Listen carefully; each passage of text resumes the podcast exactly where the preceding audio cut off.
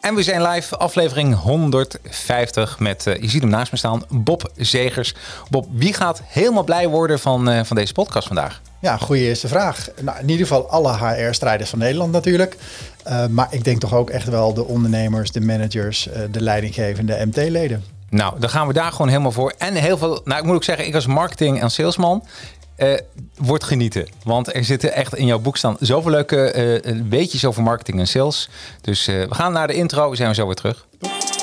If you ready, let's go. Book and Held in podcast, powered by advertising heroes. Every weekend, read a book on management, marketing, or self improvement, then break it down. It's the coolest, yeah.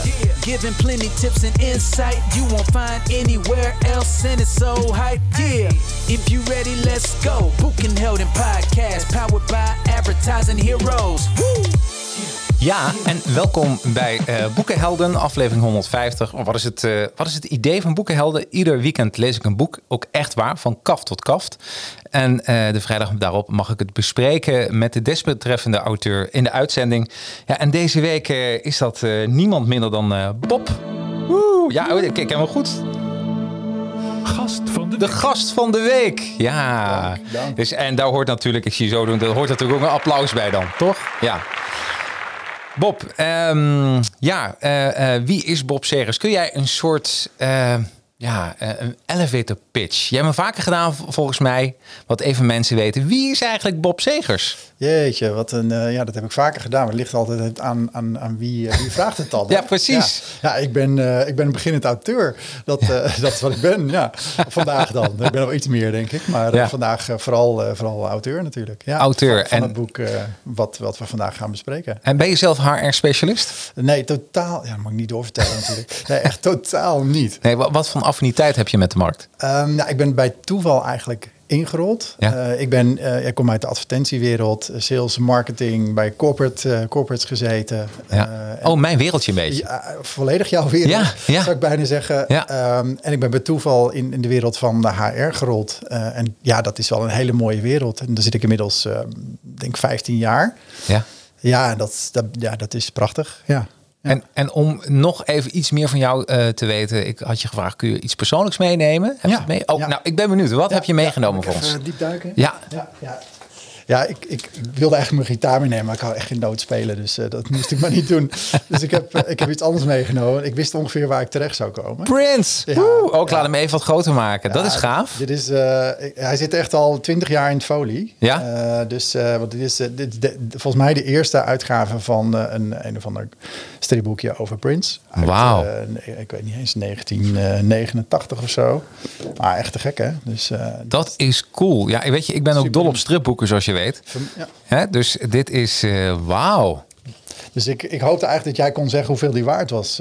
Oh, dat kan ik dadelijk. Ik heb een app. Ja. Dus gaan we dadelijk eens even bekijken. CLZ Comics, daar kijken we hem dadelijk even. En dan kunnen we kijken of je, ja, of je een villa kan kopen. Ja, dat zou mooi zijn. Dus ja, maar waarom heb ik het meegenomen? Ja, ja, Ik, ben echt helemaal weg van muziek en, uh, en vooral Prince natuurlijk. Oh, wat leuk. Nou, dus uh, ik, ja, ik sluit me helemaal bij aan. Uh, ik was, uh, een kameraad van mij is ook helemaal gek van Prince. Ik was altijd vroeger meer Michael Jackson. Oh. Maar nu word je weer wat ouder. Ja. En dan denk je weer van, ja, dan ga je Prince weer geweldig vinden. Prince was altijd al beter, maar hij zat komt met de jaren. dat is dus echt een mooie stad, hè? ja. um, en we gaan het natuurlijk hebben, niet alleen over Prince en over reclame en marketing. Daar gaan we zeker trouwens over hebben. Maar we gaan het hebben ook over... Uh, boekreview. Boekreview, uh, het boek HR eh, met ballen. En uh, ja, het is, ik, ik kan nu al zeggen dat ik kreeg hem en ik screen altijd eerst een boek hè, voordat ik iemand uitnodig. Denk, kan ik er iets mee, ja of nee? Uh, want als het te technisch is en ik kan het niet goed uh, lezen, uitleggen, ja, dan is het gewoon niet aan mij besteed. Het ligt meer aan mij dan, dan aan iemand anders. Maar ik heb er met zoveel plezier in gelezen. En oh, vooral leuk. die laatste twee hoofdstukken over sales en marketing. Maar ook. Um, ja, ik heb wat aantekeningen genomen. En um, ik, waar ik eigenlijk even mee wil beginnen is... Uh, je bent getrouwd met uh, Carmen. Ja, zeker. Ja. ja. Uh, dat check ik altijd even, want... Als ze erin staan. ja, ja. precies. Nee, op pagina 189... Um, ik citeer even uit je eigen boek. Als ik Carmen wel eens vertel waar haar R-professionals mee worstelen, dan zegt ze dat het eigenlijk precies hetzelfde is waar haar cliënten mee worstelen. En dat had ik dus ook. Ik was een boek aan het lezen. En er kwamen, uh, ook al zit ik niet in het HR-vak, absoluut niet zelfs. Maar er kwamen zoveel voorbeelden in voor dat ik denk van ja, eigenlijk werkt het ook zo in mijn branche. Ja. Ja, het is eigenlijk, ja, eigenlijk kan ik het ook gewoon uh, eh, MT met ballen kunnen noemen. Ja. Of boekhouden met ballen of zo. Ja, absoluut. Ja, dus ik heb ook met de uitgever ook al, uh, zeg maar, in allerlei kleuren. Dus roze en groen en zo. Dan komt er gewoon elke keer, nee. Nee, nee je, je duidt zeker in in het HR-vak. Uh, en ook heel goed. Ik vind het ook leuk, want ik kom echt uit de tijd... ik heb tot, wanneer is dat? ik heb, ben marketingmanager geweest bij een grote slijtersorganisatie, landelijke keten. Uh, tot 2009 hadden we een afdeling die heette PNO, pers ja, personeel, en organisatie. Hey, uh, Bob, wat is er met de wereld gebeurd dat we nu alleen nog maar Engelse toestanden gebruiken? Ja, dat is een hele goede vraag. Ja, ja. Dat, uh, ik sta natuurlijk met verbazing ook, ook naar te kijken en naar te luisteren hoe dat dan gaat. Hè. We zijn, er is zelfs Agile en Scrum is doorgedrongen in de wereld van, van HR. Uh, ja, volgens mij, uh, ja, het gaat over mensen, toch? Toch niet over uh, software ontwikkelen. en als je, ja, als iemand het heet over agile HR, dan denk ik, ja, maar waar zijn die mensen dan? Want precies. ja, ja. Dat, en, en dat is dus, uh, en dat is ook iets wat natuurlijk in jouw, uh, in jouw boek terugkomt. Dat je jezelf er ook een beetje over verbaast. En ja, ik krijg dan een beetje zo'n uitslag van. Denk van, het is toch alles, eh, ieder beroep is vrij simpel. Als je naar de kern toe gaat, dan is het simpel. En jij hebt een soort definitie gemaakt, hè? Van? Van, uh, nou wat is het HR of van. Uh, uh, hoe heet dat? MI? Nee. Duurza duurzaam inzetbaarheid. DI. Ja, duurzaam inzetbaarheid. DI. Ja, dat, dat, ja dat, dat gaat over gezond werken nu en in de toekomst. Nou, daar hou ik dus van. Ja. Gezond werken en nu en in, in de toekomst. Ja, en wil je er werkgeluk aan toevoegen, dan zeg je en met plezier. Ja. Dat is veel ingewikkelder, hoeft het niet te zijn. Er zijn zulke boeken over geschreven. Hè? Ja. Uh, en ook hele goede boeken, begrijp me niet verkeerd. Maar in essentie is dat waar het om gaat. Ja, wel grappig, want uh, duurzaam um, inzetbaarheid... Um, als je daarover hebt, eh, wat, wat, wat, betekent dat precies voor mensen die dat nou even inschakelen, denken van, hm, gaat over HR, ik wil iets meer over weten? Ja, nou, duurzaam inzetbaar zijn betekent dat je niet alleen vandaag uh, kunt werken, hè, maar dat je ook over vijf jaar kunt werken. En dat je hm. eigenlijk nu al weet van, ah, maar als ik, als ik gewoon over vijf jaar daar ben, dan kan ik nog steeds hetzelfde als nu. Dan heb ik nog steeds zoveel energie en nog steeds zoveel plezier in mijn werk als vandaag. Ja, ja, ja. ja. Dat is wat het is. Ja. Uh, en werkgevers hebben daar natuurlijk baat bij om te zorgen dat het ook gebeurt. Ja. want je kan ze uit, eh, uit, eh, uit zo als een citroentje zo uitpersen. Dat werkt wel een paar weken of een paar maanden of zo. Dan, maar daarna gebeurt er toch echt wel iets. En dan gaat het niet meer zo lekker. Nee. Dat is niet wat je wil, want je, ja, je komt mensen tekort. En, en, daar gaan we het vandaag over hebben. Tips ook aan de HR-strijders, zoals jij ze noemt. Zeker. even, eerst even complimenten ook aan Van Duren. Want ze hebben een fantastisch mooi boek gemaakt ook. Ik bedoel, hoe, hoe gaat zo'n proces? Want ja, dat, ik moet eerlijk zeggen dat uh, ik weet niet of Monique, eh, de uitgever, heel blij met mij was, uh, halverwege. ik heb me daar wel heel erg tegen aan bemoeid. Ja, maar ja, wat wil je? Je komt uit de reclame marketing weer. Ja, dus dat moet, moet er gewoon wel gewoon ja. sexy uitzien. Ja. Het moet aantrekkelijk zijn. maar het proces is super gaaf. Ja, het begint natuurlijk allemaal bij een manuscript. Dat gaan ze lezen. en dat wordt dan 16 keer of zo. Gaat het heen en weer. Ik weet niet eens hoe vaak, maar heel vaak. Uh, maar uiteindelijk ga je naar de vormgeving. Ja. ja. en wat ik wilde, ik wilde dat het ook echt gewoon, ja, dat je iets vast kan pakken. Hè? Dus je ja. moet het, ja, ik ben heel, ook heel erg van, weet je, vastpakken, ruiken. Dus dat boek moet gewoon, als je het hebt, het moet lekker zijn, het moet lekker ruiken. Het moet ook visueel zijn. Dus er staan ook tekeningen in. Dat is totaal niet managementboek natuurlijk. Nee, nee. Uh, maar ik vond dat belangrijk. Absoluut. Ja, voor mij leest het als lezer heel lekker weg.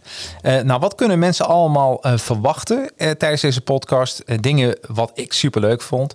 Ehm, wat kunnen we leren van Brad Gilbert, dus een tennisser? Wat kunnen we leren van Metallica? Heb je er ook nog ingeschreven? Ja. Um, um, ja, wie is de grootste tegenstander van, van een HR-adviseur? Wat is het bromvliegeffect? En welke verkooptrucs kunnen we leren van een autoverkoper? wat bedoel je met een HR-marathon? En hoe zit het met het geld en HR? Nou, allemaal dat soort zaken eh, gaan we bespreken tijdens eh, het komend eh, uurtje. Um, eerste plaats het boek zelf. 226 pagina's, negen hoofdstukken. Um, en ik ga toch even met de kijkers en de luisteraars doornemen welke hoofdstukken dat zijn. Um, En ook een paar uh, wat ik hele slimme dingen, wat ik in je boek zag, dat ik eigenlijk ieder boekenschrijver zou willen aanraden. Kom ik dadelijk even op. Uh, hoofdstuk 1, Wat's gebeurd met HR. Hoofdstuk 2, de marathon. Hoofdstuk 3, HR en de pegels. Hoofdstuk 4, maak gehakt, uh, gehakt van niet-zeggende KPI's.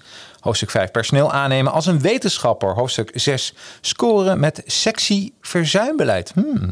Hoofdstuk 7, project managen als een middelmatige tennisser die alles wint. En ehm, in het boek zelf uh, heb je dit hoofdstuk ook projecten managen als een rockster genoemd. Hoofdstuk 8 HR-adviseur met ballen. En, en de laatste, hoofdstuk 9, de drie wetten van HR. En er zitten ook heel veel cadeautjes in, in het boek. Dan heb ik het over een checklist. Uh, voor een kleine bijdrage meer heb je ook het e-book. En, uh, en allerlei verborgen hoofdstukken. Uh, zeven tips om beter te meten. Nou, dit is echt of tien onmisbare vragen over duurzame inzetbaarheid. Uh, dus, ook, dus naast het boek heb je nog uren vermaak van om, je, ja, om je helemaal thuis te laten voelen in de wereld van HR. Zeker. Ja, leuk man. Gaan we even naar uh, het allereerste hoofdstuk. Uh, wat is gebeurd? Nou, ik denk dat de jeugd van tegenwoordig heel blij zou zijn met, uh, met de eerste titel. Ja, ik denk het ook. Ja, dus, ja. ja, precies. Dus toch wel een, ik kan merken dat je van muziek houdt. Ehm, wat, wat zou een goede functieprofiel zijn voor een HR-strijder? Een goed functieprofiel voor een HR-strijder. Nou ja, de grap is natuurlijk dat ze, dus zij zijn echt van de inhoud. Hè? Dus als ik een gemiddelde HR-professional spreek, die zijn inhoudelijk zijn ze echt perfect. Ja. Dus eigenlijk er is geen HR-strijder die, die zeg maar geen inhoudelijke kennis heeft. Nee. Um, maar wat, wat er vaak ontbreekt, is dat ze zijn, zeg maar, ze zijn lief, ze zijn, uh, ze zijn heel empathisch en schattig. En, uh, maar dat, ja, dat, is, dat, dat moet een beetje anders worden. Ze Ja. moeten wel hè, zeg maar, wat meer ballen krijgen, maar dat is te makkelijk. Uh, maar ze missen zeg maar, het deel van eh, dat ze, het besef dat ze snappen, ja, de inhoud alleen is niet voldoende. Ja. Je moet het ook kunnen verkopen, je moet het kunnen verpakken. Ja. En een van de hoofdstukken zeg ik ook van, ja, weet je, uiteindelijk, het, maakt, het maakt geen reet uit. Of ja, het maakt vooral uit, zeg maar, hoe je het zegt. Ja. En niet zozeer wat je zegt. Die Nee. inhoud, ja, tuurlijk, dat moet wel goed zijn. Maar dat verwacht iedereen sowieso. Maar het gaat er vooral om wat je zegt. Absoluut, 100%. Nou, weet je, en daar, ik denk dat daar eh, eh, bijna alle kennis, heel veel kenniswerkers de fout in gaan. Dat ze heel veel waarde hechten aan, eh, aan de inhoud. Ja. En, en, en eh, ja, ik zeg, dat is communicatie. Hè? Het is bijna alsof je drie eieren gooit. En eh, als ik aan jou vraag, vang ze, dan vang je geen één. Als ik je één ei gooi, dan vang je, dan vang je wel. Ja. En het is een beetje, eh, ja, wa- waarop ga je targeten en wat is het? En het komt in jouw boek heel goed naar voren met heel veel praktische tips. Ehm, ja, eh, eh, ehm, wat ik ook een hele mooie vond, is je gebruikt een anekdote in je boek. Eh, wat de essentie van HR zou moeten zijn. eh, eh, en dat heeft te maken met een schoonmaker en Kennedy. Ja, kun je hem zo benoemen? ja het is een hele, hele bekende anekdote natuurlijk. Dat Kennedy die ging volgens mij naar de, ik dacht naar de NASA in, het zal 1961 of zo zijn geweest. En toen ging die zeg maar naar het, het spaceprogramma kijken. Ja. En daar was dan een man in, een, in, een, in een overal. En, en, en Kennedy vroeg aan die man, ja, wat doe jij hier? Ja, nou, ik, ja, ik breng mensen naar de maan. Dat is Ja. wat ik doe. En zei, ja, Kennedy, oh, wat mooi, wat fantastisch. En vervolgens pakte die man in die blauwe overal, pakte zijn bezem of zijn, zijn, zijn, zijn, zijn zwabber, zeg maar. En die ging de vloer verder schoonmaken. Eh, en, en de essentie van, van deze anekdote is natuurlijk van ja, als je als zelfs de schoonmaker ervan doordrongen is dat het hoogste doel van je organisatie iemand naar de maan brengen is, ja, prachtig. Ja, Dan heb je het perfecte HR-beleid eh, neergezet. goed hè. Maar ook dat iedereen met hetzelfde doel bezig is. Van schoonmaker tot en met de directeur. Maakt niet uit wie. Ja, dat vond ik, dat vond ik dus zo'n mooi voorbeeld. Ja. En, eh, en kom je dat vaker tegen in jouw bedrijf? Dat men ook op die manier zijn bedrijf organiseert? Ehm, gelukkig steeds vaker. Ja, Ja. Er zijn heel veel, steeds meer bedrijven zijn zeg maar, op zo'n manier aan het denken. Ja, Ja. ja. Nou, ik moet even denken. eh, eh, Elon Musk heeft net Twitter overgenomen. ja, ja. En die heeft meteen- is, maar Ja, die heeft nou net meteen zijn bazen, tenminste de voormalige CEO's op straat gezet. Ja. Dus, eh, eh, maar ik ben benieuwd hoe hij het aanpakt. Want hij is wel heel succesvol natuurlijk in zijn bedrijven. ja, dit is natuurlijk echt een voorbeeld van een narcist uh, puur zwang. Ja, ja zou hij een narcist zijn? Ja, nou ja, is dat een retorische vraag? Ja. ja, nee, dit is absoluut Ik- ik- 100% voorbeeld van Ik denk dat iemand een keer tegen hem heeft gezegd, eh, loop naar de maan. Dat hij denkt, hé, hey, dat is een goed idee. ja. Goed idee, ja. Ja, joh. Ja, maar wel een hele interessante, hele interessante ontwikkeling. Um, kijken we even naar de zes zure appels. Die beschrijf jij ook. Uh, en die wil ik even met je doornemen. Um, personeel wordt gezien als kostenpost. De zure appel nummer één. Ja, ja, dat is gek hè. Dus uh, jouw belangrijkste kapitaal, ja. de mens. Hè, en zeg maar in, in kennisorganisaties zal, zal niemand daar uh, ja, over twijfelen. Hè. Als je consultant bent of boekhouder of whatever, dan, ja, dan zijn mensen het belangrijkste kapitaal. Maar ook in een productieomgeving zijn mensen je belangrijkste kapitaal. Want die machines, ja, die doen het echt niet zonder die operators. En zonder mensen die die machines maken en onderhouden, et cetera. Ja. Um, maar als je dan aan een boekhouder vraagt, van, hoe zit het nou eigenlijk met mensen? Ja. Uh, dan zegt die boekhouder, ja, er zijn kosten. en uh, die kosten, ja, die drukken op het resultaat. Ja. Nou, kan je je voorstellen wat er gebeurt op zo'n heidag. Hè? Ja. Dus dan uh, gaat die directie gaat het hebben over de begroting en over de kosten. Nou, dan hebben we het onderwerp personeel. Ja, oké, okay, 3,5. Nou ja, dus kan het ook 3% loonsverhoging zijn. Ja. ja, komt nog niet helemaal lekker. Laten we er 2,5 van maken. Ja. En heb je het over het belangrijkste kapitaal van jouw organisatie. Ja. Hè, terwijl als jij een machine koopt, uh, ja, dan, hè, en dan zeg je, nou, we, gaan, weet ik veel, 100.000 euro uitgeven aan een machine en dan over drie jaar verdienen we dat terug. Ja. Ja, precies. En dan ga je ook, ook, ook werk van maken. Hè? maak je werk van en dan, ja. Eh, dan, ga je, weet ik veel, ben je drie maanden mee bezig om het dan uit te zoeken. Maar als je 100.000 euro in mensen moet investeren, ja, kan het ook voor 80. ja, geweldig hè? Ja is zo mooi. In, uh, in de sales uh, zeggen we: if you pay peanuts, you get monkeys. Ja, you get monkeys. Ja. En, en eigenlijk is het ook zo. Maar ook dat er zo weinig. Uh, ik vind het wel grappig hoor, dat mensen zo denken. Wat mij altijd irriteert is als ik bij een bedrijf kom dat ze zeggen, nou, weet je, wij hebben de stagiaire laten even de marketingplan maken. Oh ja.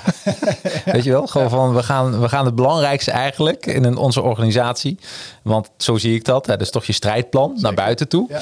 Even, en dat kan daardoor. Ja, ja, Nee, dat, dat klopt. Ja. En HR is net zo'n soort afdeling. Ja, dus. Uh, het is helemaal niet raar dat ik eigenlijk in de HR. Nee, nee ik wil net zeggen, ik las je boek. Ik zou, dacht van ja, heel veel. Uh, je vrouw Carmen had wel gelijk, zeker weten. Um, de tweede zure appel, um, dat is ja, we gaan voor MBA en niet voor DNA. Ja. Ja. Die vond ik ook wel heel goed. Ja, ja dat, is een, dat, dat zie je natuurlijk ook. Hè? Dus dat als je kijkt naar gemiddelde vacaturetekst in een boek staan ook echt een paar, echt, wat mij betreft, hilarische voorbeelden over bijvoorbeeld een tekst van de Rabobank. Uh, met, nou ja, ik, ik heb geen idee hoe zijn al die termen komen, maar alleen maar Engelse termen. Ja. Voor de boerenleenbank is dat dan. Hè? Um, maar die, um, ik ben even kwijt wat je vraag was, sorry. Uh, MBA en, en oh, ja, ja. DNA. Ja, dus maar wat heel veel bedrijven doen, is dat ze vooral ze willen dat, dat topprofiel hebben. Dus diegene met die MBA, ze moeten 80 jaar ervaring hebben. Ja. Uh, overheid is ook een heel mooi voorbeeld. Als je bij de overheid wil werken, moet je minimaal 10 jaar ervaring hebben bij de overheid. Ja, hoe dan? Ja. Uh, weet je, dus, dus je, kunt, je hebt dus alleen maar één vijver van mensen die al 10 jaar bij de overheid hebben gewerkt. En dat, ja, dan krijg je dus nooit ander bloed of ander. Nou, dat schrijf je in je boek. Zo krijg je die vernieuwing ook niet, wat je eigenlijk ook wil als organisatie. Ja, en je moet, uh, of je moet niks, maar het is gewoon slimmer om te gaan voor het juiste DNA. Ja. dus de mensen die misschien niet de papiertjes hebben, niet voldoen aan die, die bizarre competentieprofielen, maar die wel één ding heel goed kunnen. Ja. Namelijk wat jij op dat moment nodig hebt. He, dus als je een adviseur nodig hebt, nou, dan moet je iemand hebben die goede vragen kan stellen. Ja. heb je een interviewer nodig, nou, dan, dan, moet hij, ja, dan, dan, moet hij een beetje een goede stem hebben. Ja. Nou, Zo, zijn er, uh, zo heeft elke functie heeft zijn, zijn specifieke dingen. Ja. Uh, en ga daar dan naar zoeken in plaats van, ja, hij moet MBA en dan moet dit en dan moet dat. De, de, grap is, ik, en je kijkt altijd naar jezelf. Ik weet, in uh, 2000 werd ik uh, eerst uh, assistent inkoop, inkoop, toen marketingmanager. Maar daarvoor werkte ik in een winkel. Oh ja. Maar toen heb ik wat stoute dingen gedaan. En daarom mocht ik op het hoofdkantoor komen te werken. Oh, ja, wat en, voor stoute dingen Nou, dat, was eigenlijk samen met mijn rayonmanager toen. Uh, uh, dat was de, de tijd dat de hoofdorganisatie, kan me vertellen waar het over gaat, was Super de Boer. Uh, dat was net in die Commar tijd. Misschien ken je dat, Super de Boer, Commar. Ja, en ik, uh, ik was slijter in Mitra, dus ik was een jaar of 23, denk ik.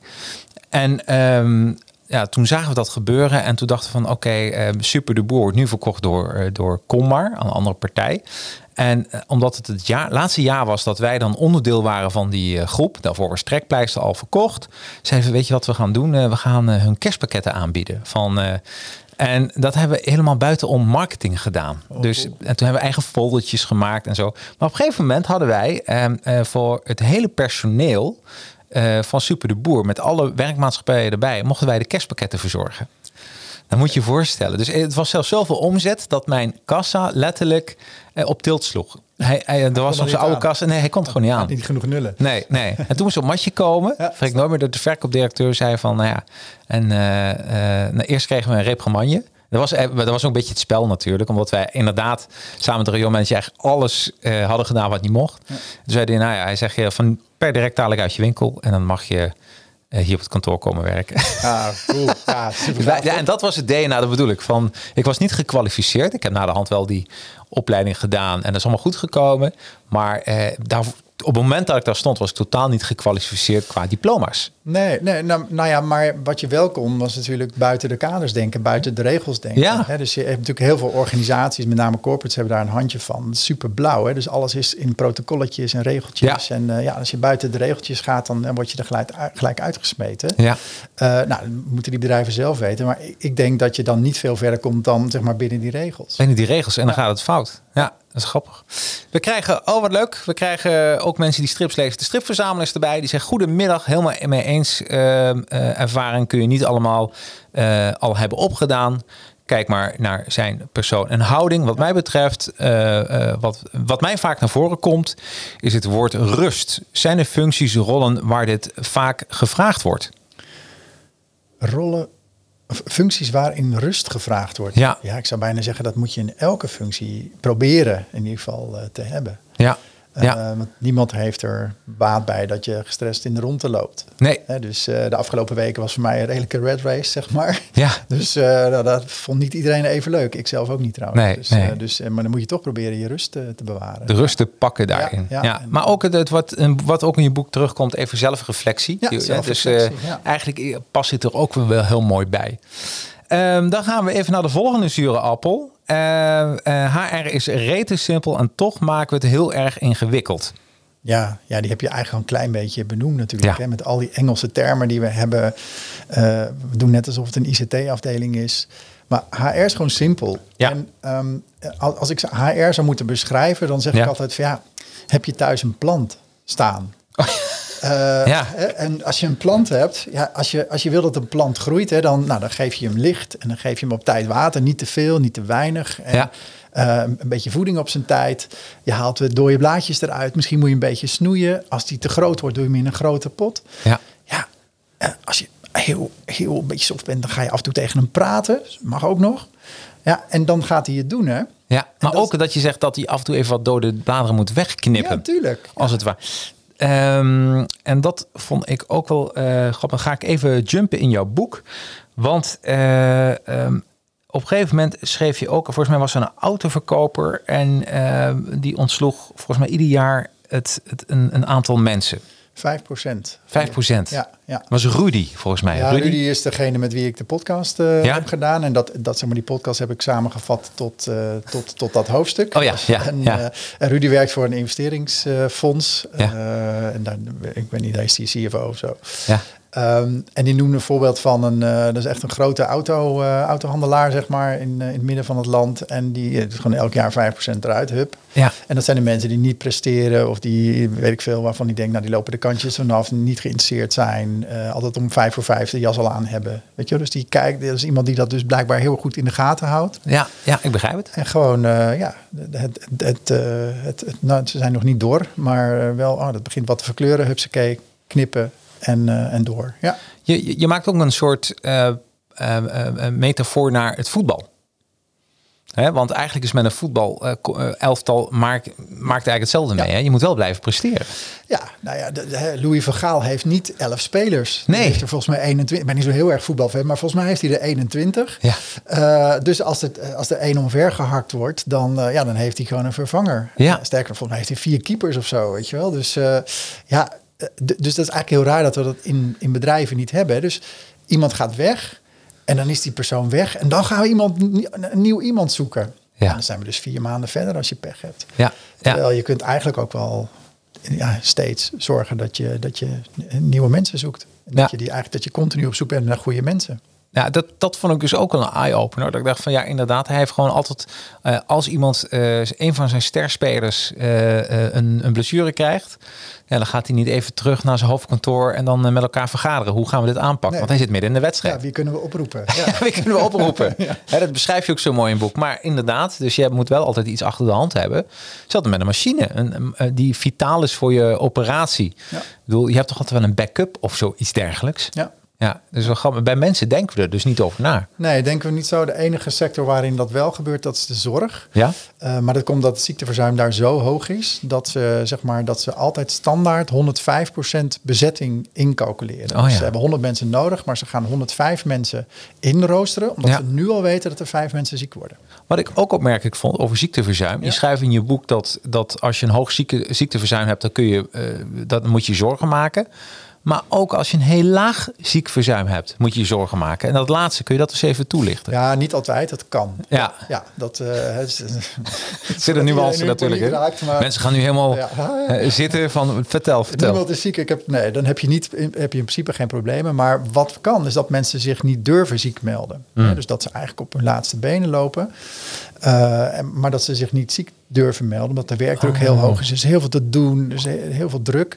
Ja, en als je dan ziek meldt, dan weet je dat jouw collega in de problemen komt. Ja, precies. Dus meld je je niet ziek. Ja. Nou, en wat er dan kan gebeuren, is dat eigenlijk die persoon maar doorgaat, doorgaat, doorgaat. Ja, totdat hij echt omvalt en dan is hij gewoon acht maanden uit de lucht. Dus dat is ook iets om rekening mee te houden. Zeker, ja. Je Ja. moet echt je mensen in de gaten houden. Ja, ja. Zijn... Dus je ziet die blaadjes, zeg maar het plantje weer, je ziet die blaadjes je slap hangen op een gegeven moment. Van, nou, dat is, gaat- zelfs als je water en voeding hebt gegeven. ja. Dus dat gaat even niet lekker. Hey, die, die cijfertjes, hè? Ja. Eh, dat zijn KPI's, toch? Ja. ja. Als we kijken naar KPI's, ehm, eh, Key Befor- Performance Index, zeg ik dat goed? Uh, het zijn officieel Key Performance Indicators. Indicators, Of- dat was het, Ja, ja. ja. maar ik noem ze altijd Key Performance Illusies. Ja. Uh, omdat, ja, er zijn bedrijven die hebben gewoon 50 tabbladen, zeg maar een Excel-sheet met 50 tabbladen en weet ik veel, 800 KPI's. En daar zijn Ja. we volgens mij de hele week mee bezig om dat in te vullen. Bizar. Ja, echt bizar. En uh, daar, heb je, daar heb je helemaal niks aan. Nee, nee, Nee. En dat zeg je eigenlijk, je hebt een beetje, eh, toch heb je ze nodig. Ja, zeker. Hè? Je hebt een aantal KPI's nodig, maar je hebt ook mensen die verzanden, zoals je in het boek schrijft, een soort Excel, de Excel, de data jockeys. vinden dat helemaal uh, gaaf. Excel fetischisme noem ik dat altijd. Ja, ja. ja, ja. En, en, maar je, er zijn hele goede KPI's. Hè? Dus uh, en ik heb er een aantal genoemd rondom KPR, uh, rondom HR, zeg maar. Ja. Um, hè, maar je, je, eigenlijk kan je dat doorvoeren voor je hele organisatie. Ja, verschrikkelijk heb je er maar twee of drie nodig ja. in je hele bedrijf. Ik heb, ik, ik heb bij een netwerkclub gezeten ja. en daar hadden we ook KPI's. Moet je voorstellen. Dan weet je gewoon, dan weet je of groen, ja. of geel, oranje of rood. Ja. En, uh, en we hadden er allemaal hekel aan. Want je werd gewoon opeens een, ja, je werd geen nummer, je werd een kleur. Je werd een kleur, ja. En alles is groen, niks meer aan doen, hè? ja, ja. Uh, en uh, ja, dat zegt, dat, dat, zelfs dat zegt niks. Nee. nee. Zou je dat wel aanraden bij zo'n netwerkclub van actieve lid of niet actieve lid? En hoe zou je dat bespreken? Om KPI's te hebben? Ja. Ja, maar dan KPI's waar je, waar je, waar je echt iets mee kan. Ja, ik zeg, KPI's moet je een beetje ongemakkelijk van worden. Hè? Dus het moet, Ja. het moet een beetje jeuken, het moet een beetje schuren. Hè? Dat zeg ik ook in mijn boek. Van, ja, als je zegt van ja, ik vul het in, de maandag bespreken we het en uh, nou uh, gaan we door. Ja. Dan, dan, dan is dat geen goede KPI. Misschien is het ook wel omdat je als ondernemer betaal je voor zo'n netwerk. Ja. En, uh, en bij een bedrijf word je betaald voor een, een misschien dat daar die ongemak ook bij de netwerkclub vandaan kwam, zou ik net te denken. Ja, dat zou kunnen. Ja. Maar het is misschien ook minder noodzakelijk bij zo'n club. Ja, ja en, en haal je niet met KPI's haal je niet de creativiteit uit een organisatie? Ja, tenzij creativiteit een KPI is, maar... oh ja, dat zou kunnen, ja. En er zijn vast bedrijven die dat hebben, maar Ja. dat zou ik helemaal niet aan. Ja, want jij komt ook uit de reclamebranche. Ja. Ik, ik heb gewerkt, echt waar, uh, Bob. Ik had een, uh, een investeerder. Kan ik nu wel vertellen. maar investeerder en ik had een creatief. Ik was een copywriter, conceptschrijver, copywriter. En uh, nee, je weet, en dan heb je altijd een, iemand die de, de, de uitvoering doet. Ja. Hè, via Photoshop met zijn team. Oké. Wij waren dus een team, een maatje, maatje en ik. En uh, wij moesten toen bij de directeur komen, omdat wij had, ja, er kwam een nieuwe investeerder aan die was ook, die had ook een tegelfabriek. En die had een prikklok ingesteld. Dus Oh ja. als ze binnen zouden moeten komen. Briljant. Ja. En, uh, nou, en toen zei hij van ja, en we, en we werden echt met z'n tweeën aangesproken. Maar wij een beetje, ja, een beetje de, de, ja, eh, de ongeleide projectielen waren in het bedrijf. En wij moesten daar komen en zeggen van, ja, jullie moeten dat ook doen. Nou, is goed, zeiden we. Dus ze stonden echt helemaal verbaasd. Dus wij, uh, nou, met heel veel popari, wij inklokken. En drie maanden later moesten we terugkomen. En uh, nou, dat inklokken ging goed, maar we waren nooit uitgeklokt. En ik zei, dat klopt, de creatieve, die klokken nooit uit. klokken niet uit, nee, die zijn altijd bezig. Ja, ja, oh, heel en ik weet nog wel dat die investeerder, die keek aan naar de directielid en die begon gewoon te lachen. Ja. Ga maar. Ja. ja, dus KPI's, maar ja, weet je... Uh, aan de andere kant, things, doing things in a successful way is doing it in a certain way. Dus je moet het. Ik begrijp wel dat het wel nodig is voor bedrijven. Ja, ja, ik begrijp het ook. Alleen, ja, wat ik zeg, het moet een beetje schuren. Ja. hè, en het moet een beetje ongemakkelijk zijn. En je moet het ook niet volgende week al gehaald hebben. Dat is geen KPI. Nee. Hè, dat is je operationele doelstelling of zo. Ja. Wel, ja, deze week uh, vijf uh, dozen maken met ja. iets erin. Dat, is, hè, dat kan ook een KPI zijn, maar dat is het niet. Nee, dat is iets van over, weet ik veel, volgend jaar, over twee jaar, over drie jaar.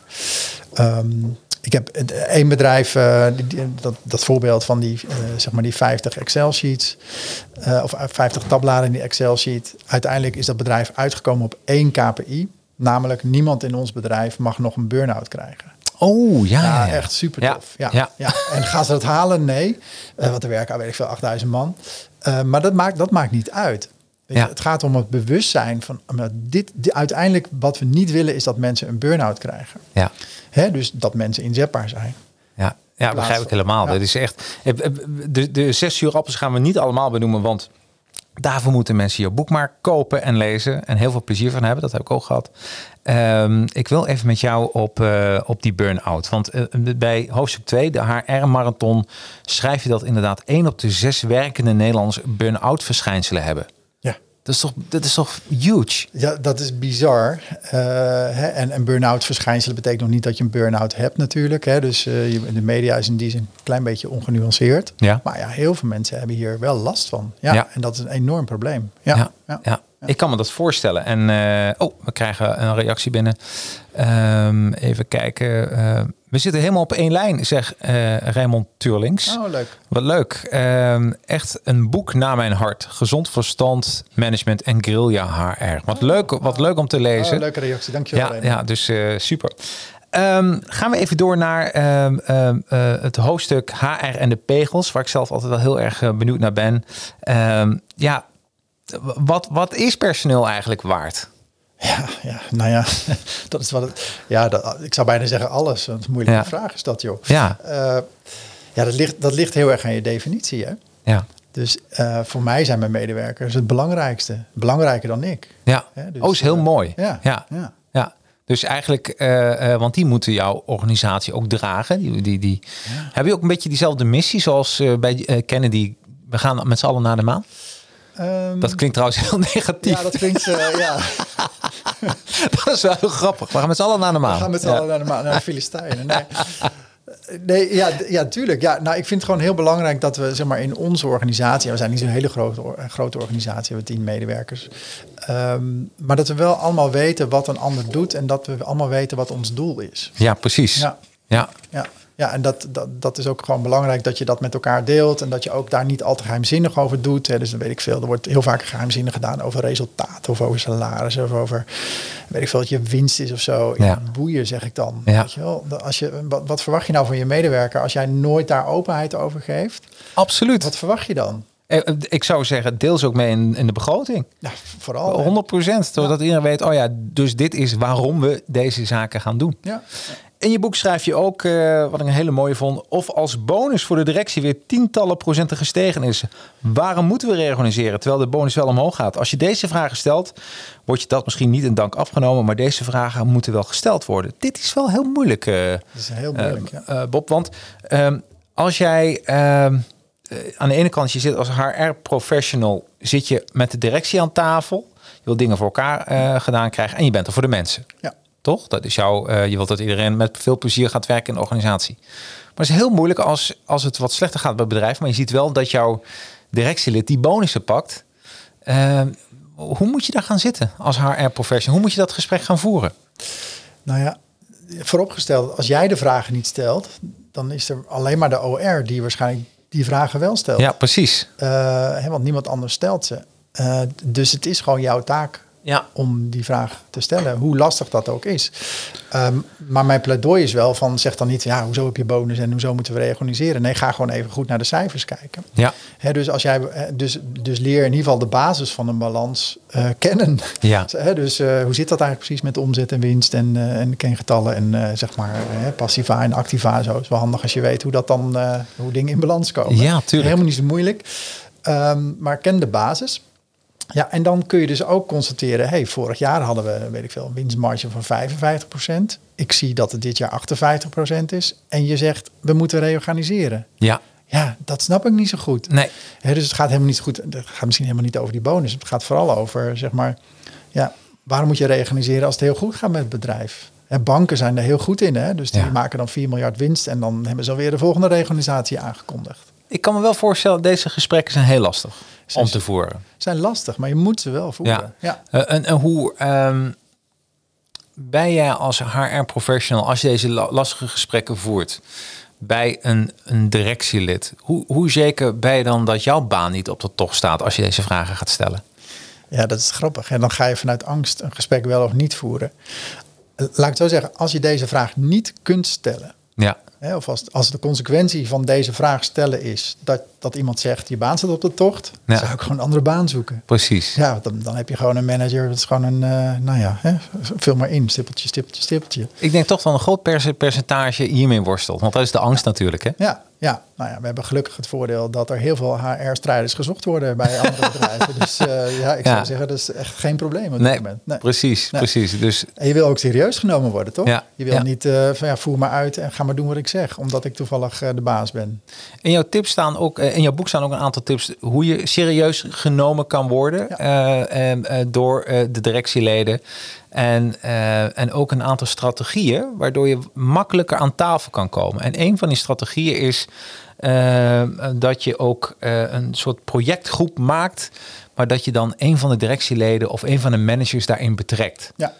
En kun je, hoe, hoe ziet zoiets eruit, zo'n zo'n project? Nou ja, als je dingen voor elkaar wil krijgen, moet je zorgen dat jouw project gedragen wordt dus uh, je kan een project verzinnen. Uh, nou, weet ik veel, ik ga kerstpakketten verkopen. Ja. Dat, dat, is bij jou in jouw geval goed afgelopen. Dat ook anders kunnen aflopen. Absoluut. Maar als je, had, uh, als je dat zeg maar vanaf het begin af aan breed gedragen had willen hebben, hè, dan had je, had je gezegd, nou, dit is mijn idee. ik heb een sponsor nodig hè, vanuit de directie. Ik wil iets gaan doen, kleinschalig, allemaal niet zo moeilijk. Als het misgaat, stoppen we er gewoon mee. Hè, ja. Gewoon een pilot en zo. Dus don't worry. Ja. maar ik heb ook iemand nodig van marketing. Ik heb iemand nodig van sales of van distributie. En nou ja, weet ik veel. Ik wil, wil graag een paar klanten spreken. Weet ja. je wel? ja. En daar maak je een projectteam van. Uh, en dan is zeg maar het, het, het, draagvlak voor jouw project is gelijk al een stuk groter. Ja, absoluut. Wat jij zei, een pilot van maken, dat ja. is ook een oplossing. Hè? Dat wordt niet te groot, hè? Maakt niet te nou, groot. Dat, als het dan als het een fout gaat, schrijf je een boek, dan is het niet zozeer dat de directielid of de manager dan een fout heeft gemaakt, maar gewoon de pilot is ja, mislukt. De pilot, pilot mislukt, niet de manager. Dat is heel belangrijk. Dat is een hele belangrijk. een psychologisch dingetje. Ja. Uh, want ze zijn natuurlijk heel, hè, net zoals dat HR-mensen bang kunnen zijn, zijn managers ook een beetje bang. Ja. We gaan eens even uh, inzoomen uh, op die skills van uh, die HR-manager. Hoe we ze nog beter kunnen maken. springen we even naar projectenmanager als een rockster. Wat, wat kunnen we leren van de, van de tennisser Brad Gilbert? Ja, Brad Gilbert was een hele matige tennisser. Ja. Hij had echt een, een hele slechte volley, een slechte voorhand. Volgens mij kon hij ook echt totaal niet, niet serveren. maar hij kon één ding wel en dat was winnen. Ja. Uh, en hij heeft geloof ik 8 miljoen prijzengeld bij elkaar geslagen in zijn, in zijn tenniscarrière. Hij heeft uh, uh, Ivan Lendl en Boris Becker heeft hij helemaal bijna huilend op de baan gehad. uit frustratie. en volgens mij heeft zelfs McEnroe heeft op een gegeven moment... ik dacht dat hij de kwartfinale van de US Open verloor. Van, van dus deze Brad Gilbert. Ja. En de dag daarna zei hij, ik ga stoppen met tennissen. Want als ik van dit soort matige, lousy tennissers verlies... ja, dan, dan is er voor mij niks meer aan. Nee. Maar wat deed hij? hij? Hij zag elke wedstrijd als een project. Hij had een opschrijfboekje en dan schreef hij dan zeg maar alle zwaktes in van zijn tegenstanders. Nou, ja. Boris Boom Boom Becker, die kon heel hard serveren. Zijn eerste service, maar zijn tweede service, die was slecht. Ja. Uh, dus als, als het hem lukte om die eerste service, zeg maar, op een of andere manier te frustreren, dan had hij kans om een punt te maken. Dat wist hij van elke tegenstander, hield dat bij in zijn boekje. Wat en, goed eigenlijk, ja, hè? Ja, ja, hij zag elke wedstrijd zag hij als een project. En uh, je zegt ook, wat is het? Uh, je hebt twee dingen: een project en een. Dat schrijf je ook in je boek. Dat is iets wat je dagelijks doet. Een soort routinematige... Oh, proces. Ja, proces. Proces en projecten. En dat is ook belangrijk om dat onderscheid goed te houden. Het proces en een project. Uh, wat, is een, wat is het grote verschil tussen een proces en een project?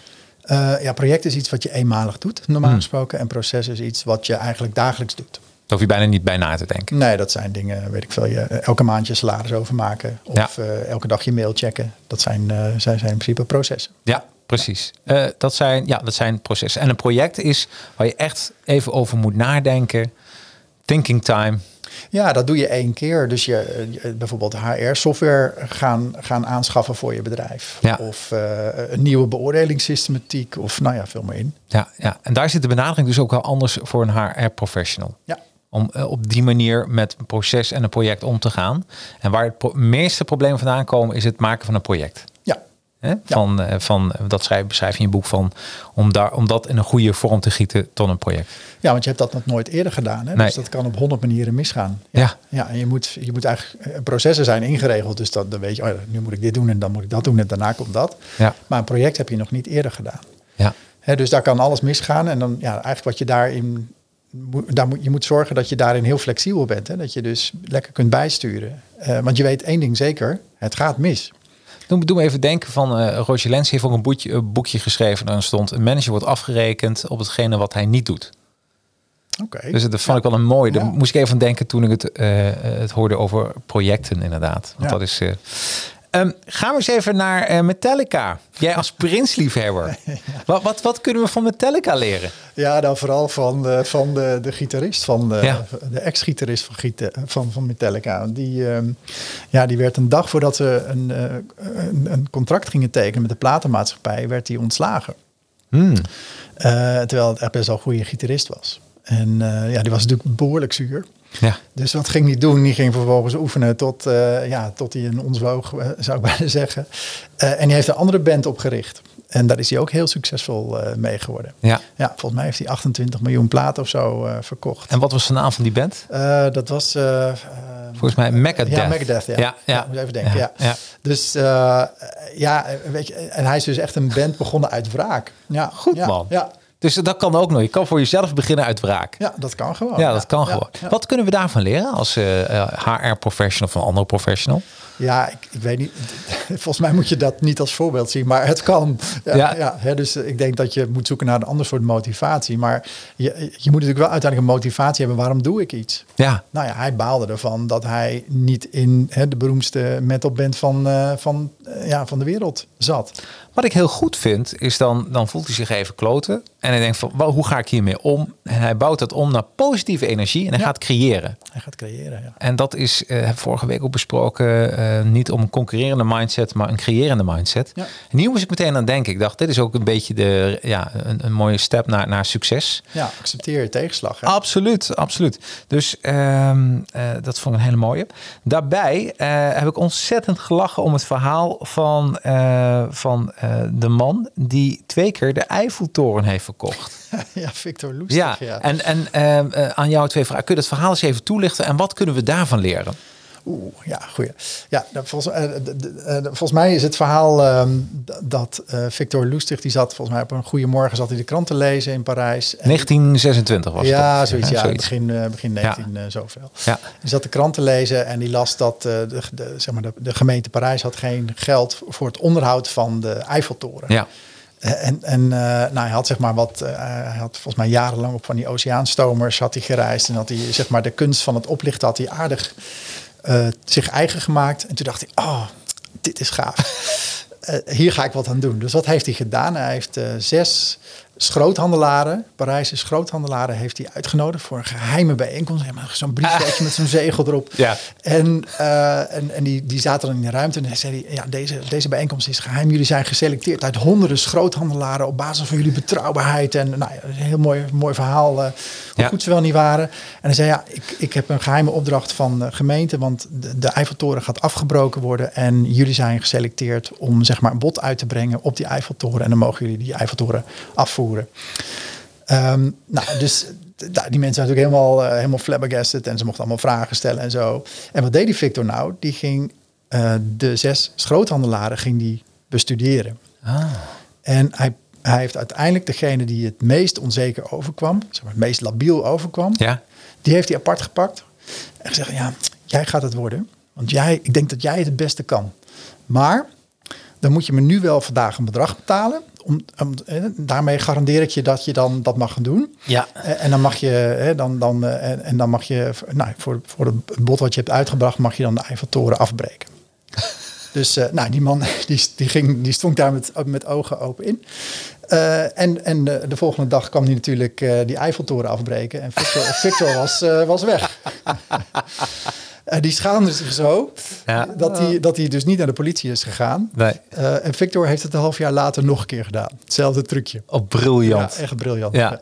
En, en wat kunnen we daarvan leren als HR-professional? Nou ja, wat je ervan kunt leren is dat je uh, niet dat je uh, je MT moet gaan oplichten, vooral nee. niet, maar dat je dus goed naar mensen moet kijken en dat um, als, als een verhaal geloofwaardig is, dan eten mensen dat ook. Hè? Ja. Dus je moet zorgen dat jouw verhaal geloofwaardig is en je moet jouw MT goed bestuderen. Ja, wat zijn dat eigenlijk voor mensen? Ja. He, dus als je uh, iemand die van chocola houdt een wortel geeft, ja, dat gaat niet werken. Dat gaat hij niet vreten. Nee. Dus, je moet, he, dus als hij van wortels houdt, dan geef je een wortel of komkommer of zo. Ja. Dus dat is, dat is wat je ervan kunt leren. Ja, nee, dat, en dat is dus dat empathische vermogen wat je hebt. En dat, dat, dat, dat, dat is een uh, mooie scheidslijn tussen marketing en sales. Maar je, en dat, dat vind ik dus zo goed. In jouw boek staat gewoon, je staat achter je eigen HR-beleid, maar je moet het wel kunnen verkopen. Ja. En, en dat is dus wat wordt er heel vaak ja, ontbreekt, denk ja. ik. Ja. Om dat verhaal goed over de bühne te brengen. Keep it simple and stupid. Komt ook nog in je boek uh, Zeker, terug. Ja. Dus, uh, dus dat kunnen we zelfs leren van een oplichter. Wat kunnen we leren van een bromvliegeffect? Ja, dat je daar heel veel schoonmaakmiddel mee kunt besparen.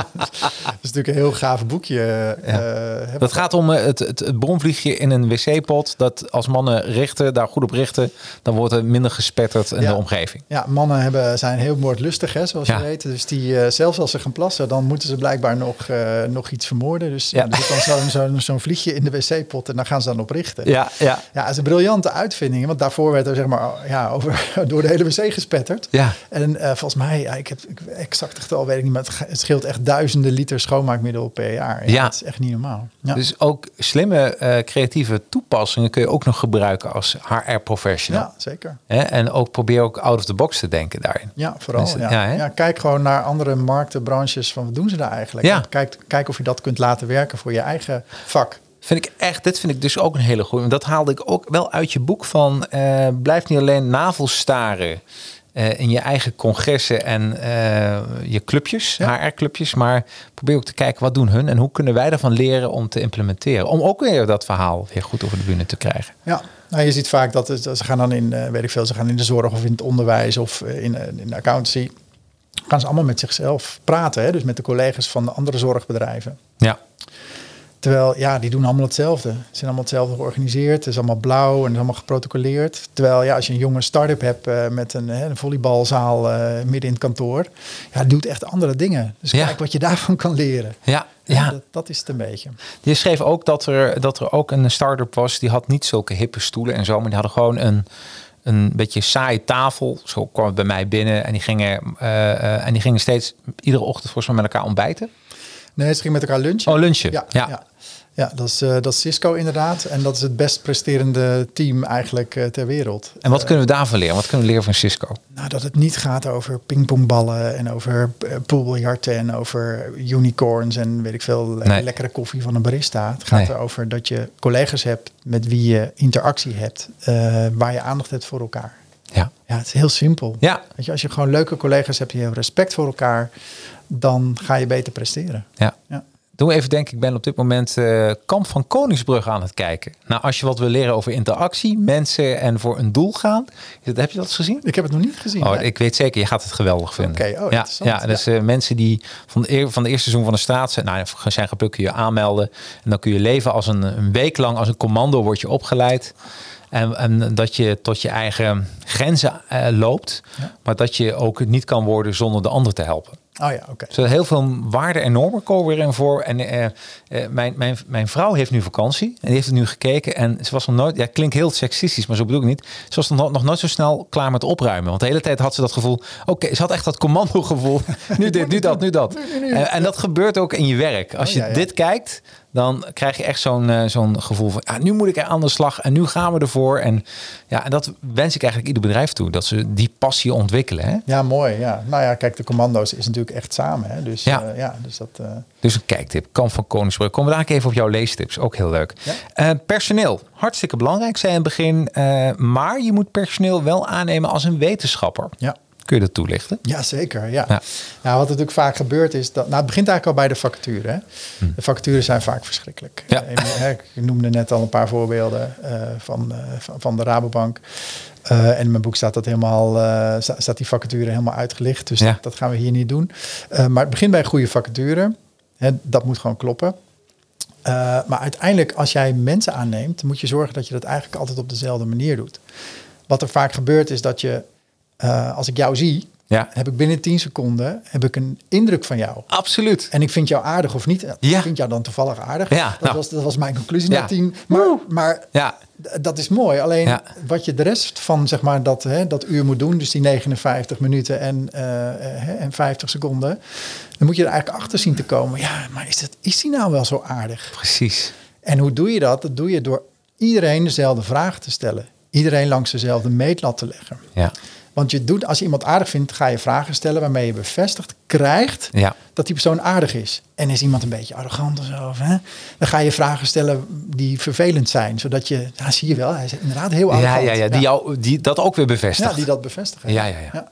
Of ik heel, dat doet me even denken. In een tijdje eh, voordat ik getrouwd was, vrijgezel, ben ik gaan daten. Het domste wat je kan doen trouwens, als je vrijgezel bent, date, ja, daten. Ja, ja. Nee, vrijgezel en dan daten.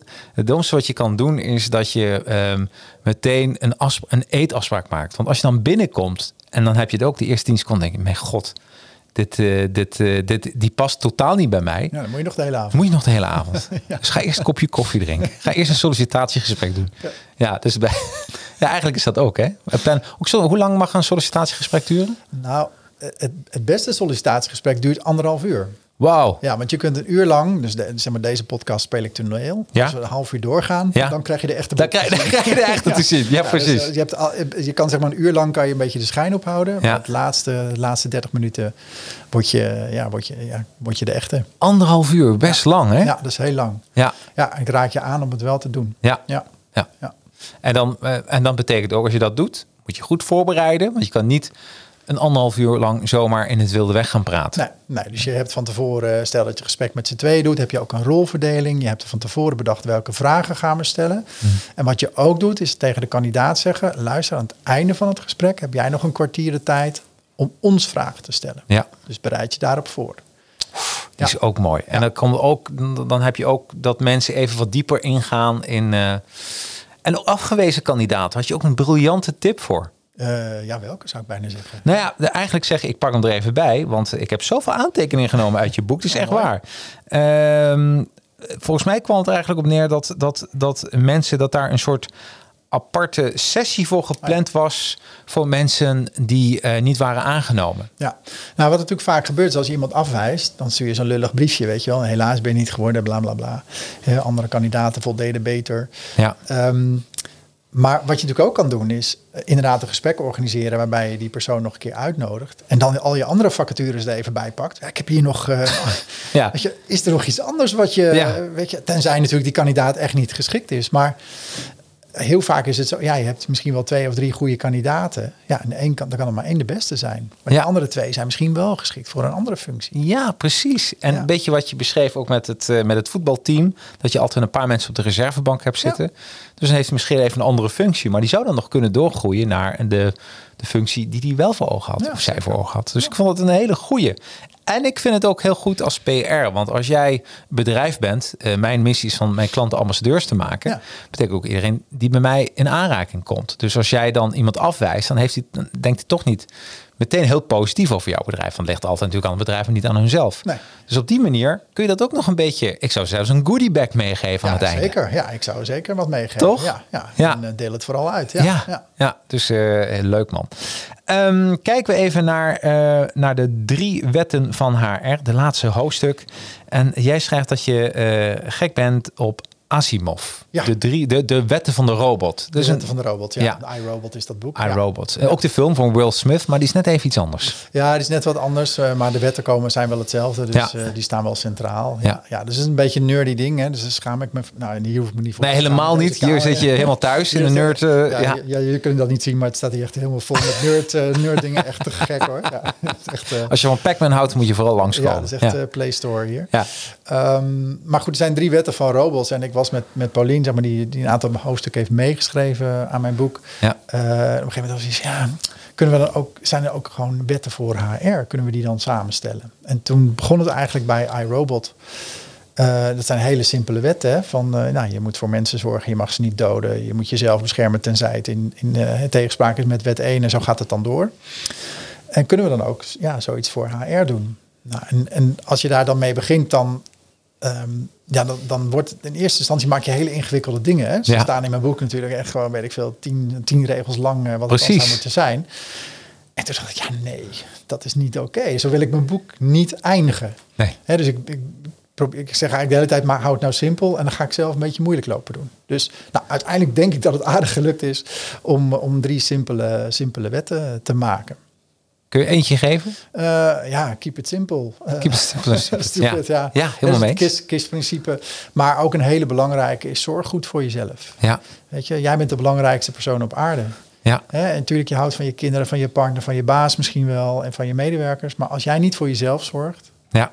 ja, dan kan je ook niet voor een ander zorgen. Daarover gesproken, denk even aan. Ja, in je boek staan zoveel leuke dingen. De life hacks. Ja. Want als je het hebt over zorg goed voor jezelf, dan denk ik even aan jouw life hacks. Je geeft ehm, even kijken, acht life hacks. eh, waardoor je leven, eh, waardoor je even wat gelukkiger wordt, even wat fijner in je, voel, eh, in je, in je vel zit. De eerste is me time. Ja, me-time. Heel belangrijk. Ja, Hoe doe jij dat? Hoe pak jij je tijd voor jezelf? ja ik, het eerste en het laatste uur van de dag is van mij. Ja. Ja, en dan ben ik echt heel, heel vervelend in, zou ik bijna zeggen. Ja, hè? Dus uh, nou, ik heb de, laat ik zeggen, het eerste uur heb ik opgelost door gewoon een uur eerder op te staan. Oh, dat is wel fijn. Ja, en uh, dus ik sta elke dag om zes uur op. Ik heb ook wel geprobeerd vijf uur op te staan, half vijf zelfs, maar dat, dat trok ik niet. Maar zes uur werkt voor mij prima. Ja, en dan, dat is gewoon voor mij. Dus ik ga, uh, ik ga dan doen wat ik wil. Dus, wat goed. Ja, column schrijven, een beetje sporten, een beetje lezen, uh, koffie drinken gewoon. Ja. Ja, dat is echt, dat is zo belangrijk. Want je begint de dag al goed, hè? Ja. De meeste mensen staan op en dan, oh, de kinderen zijn wakker, ik moet boter, boterhammen smeren, ik moet naar mijn werk, shit, er is file, het regent. Nee, weet je, dat, daar heb ik allemaal geen last van. Nee, dat is, je, wordt, je, je gaat meteen je, als een soort diesel, warm je jezelf op voor de dag. Ja, heel, heel relaxed.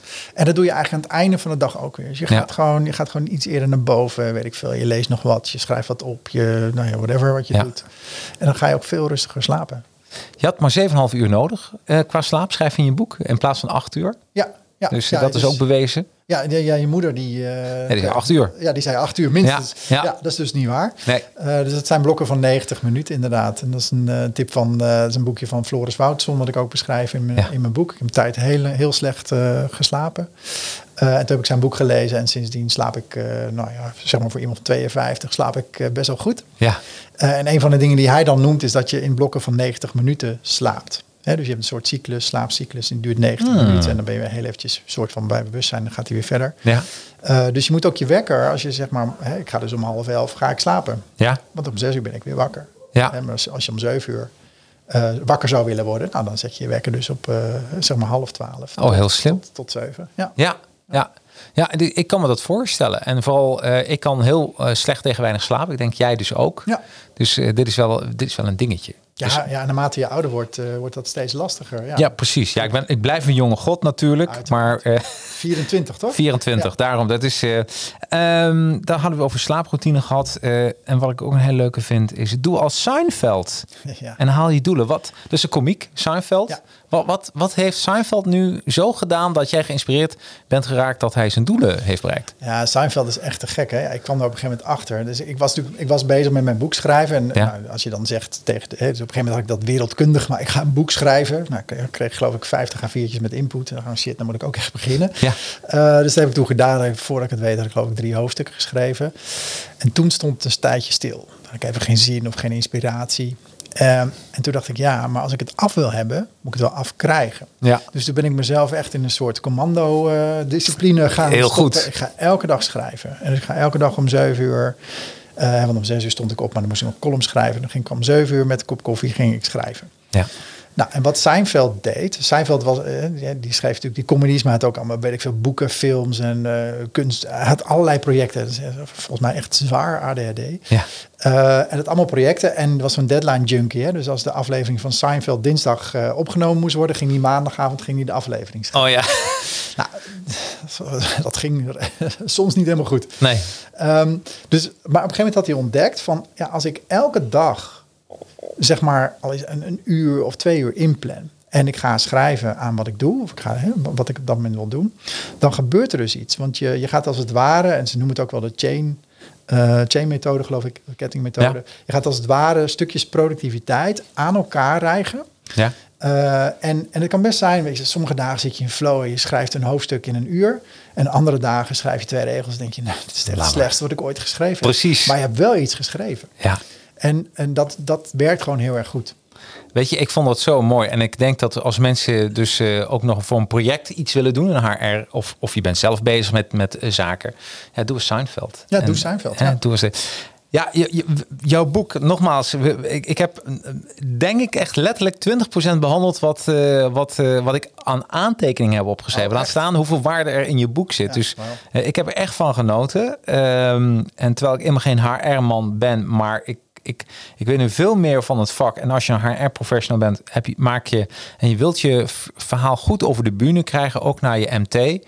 En al die vragen waar jij mee zit, dat je gewoon niet verder komt. Ja, dit boek helpt je erbij. Dus dat vind ik echt, uh, echt heerlijk dat iemand een, ook complexiteit kan versimpelen met, uh, met, goede, met goede ideeën. Ja. Dus uh, uh, ja, ik denk dat mensen er heel blij van gaan worden. Um, er staat, je, bent, je hebt dezelfde tik als ik. Iedere week lees je een managementboek of een zelfontwikkelingsboek of Ja. marketingboek. Ja. Dus, uh, en je hebt ook een heel mooi lijstje in jouw, ehm, in je boek geschreven. Dus kunnen mensen daar ook nog even lekker op, eh, op enten. Ehm, ja, het uur is voorbij. Ben ik nog iets heel belangrijks vergeten dat je zegt, nou, dit wil ik nog wel even besproken hebben? Jeetje, eh, ja, dan, dan hebben we nog wel een paar uur nodig. Ja, maar ik wil- 30, 30 minuten nodig. Want, eh, want dan, ja. dan kunnen mensen ook nog lid worden van jouw LinkedIn, tenminste lid worden, jou volgen op LinkedIn. ja, natuurlijk. Kun je Bob vinden. Zegers, Z-E-E-G-E-R-S. Eh, je schrijft hele leuke artikelen op LinkedIn. Dank je. Podcast heb je. Podcast. Ik heb een, eh, nou, ik heb een dagelijkse column. eh, HR Entertainment heet die. Ja, leuk. Aparte website. Eh, ja, het is wel, eh, nou ja, je moet wel een beetje humor hebben, zeg ik erbij. Eh, Ja. maar de meeste mensen hebben dat wel die het lezen. Eh, nou ja, en natuurlijk de website van het boek. Ja, al wat goed. Nou, weet je, ik heb ervan genoten. Ik zou tegen iedereen willen zeggen die in het vak eh, werkt of werkt met HR. Of je gaat met, eh, je zit in een organisatie, je wil een beetje weten wat HR precies allemaal doet.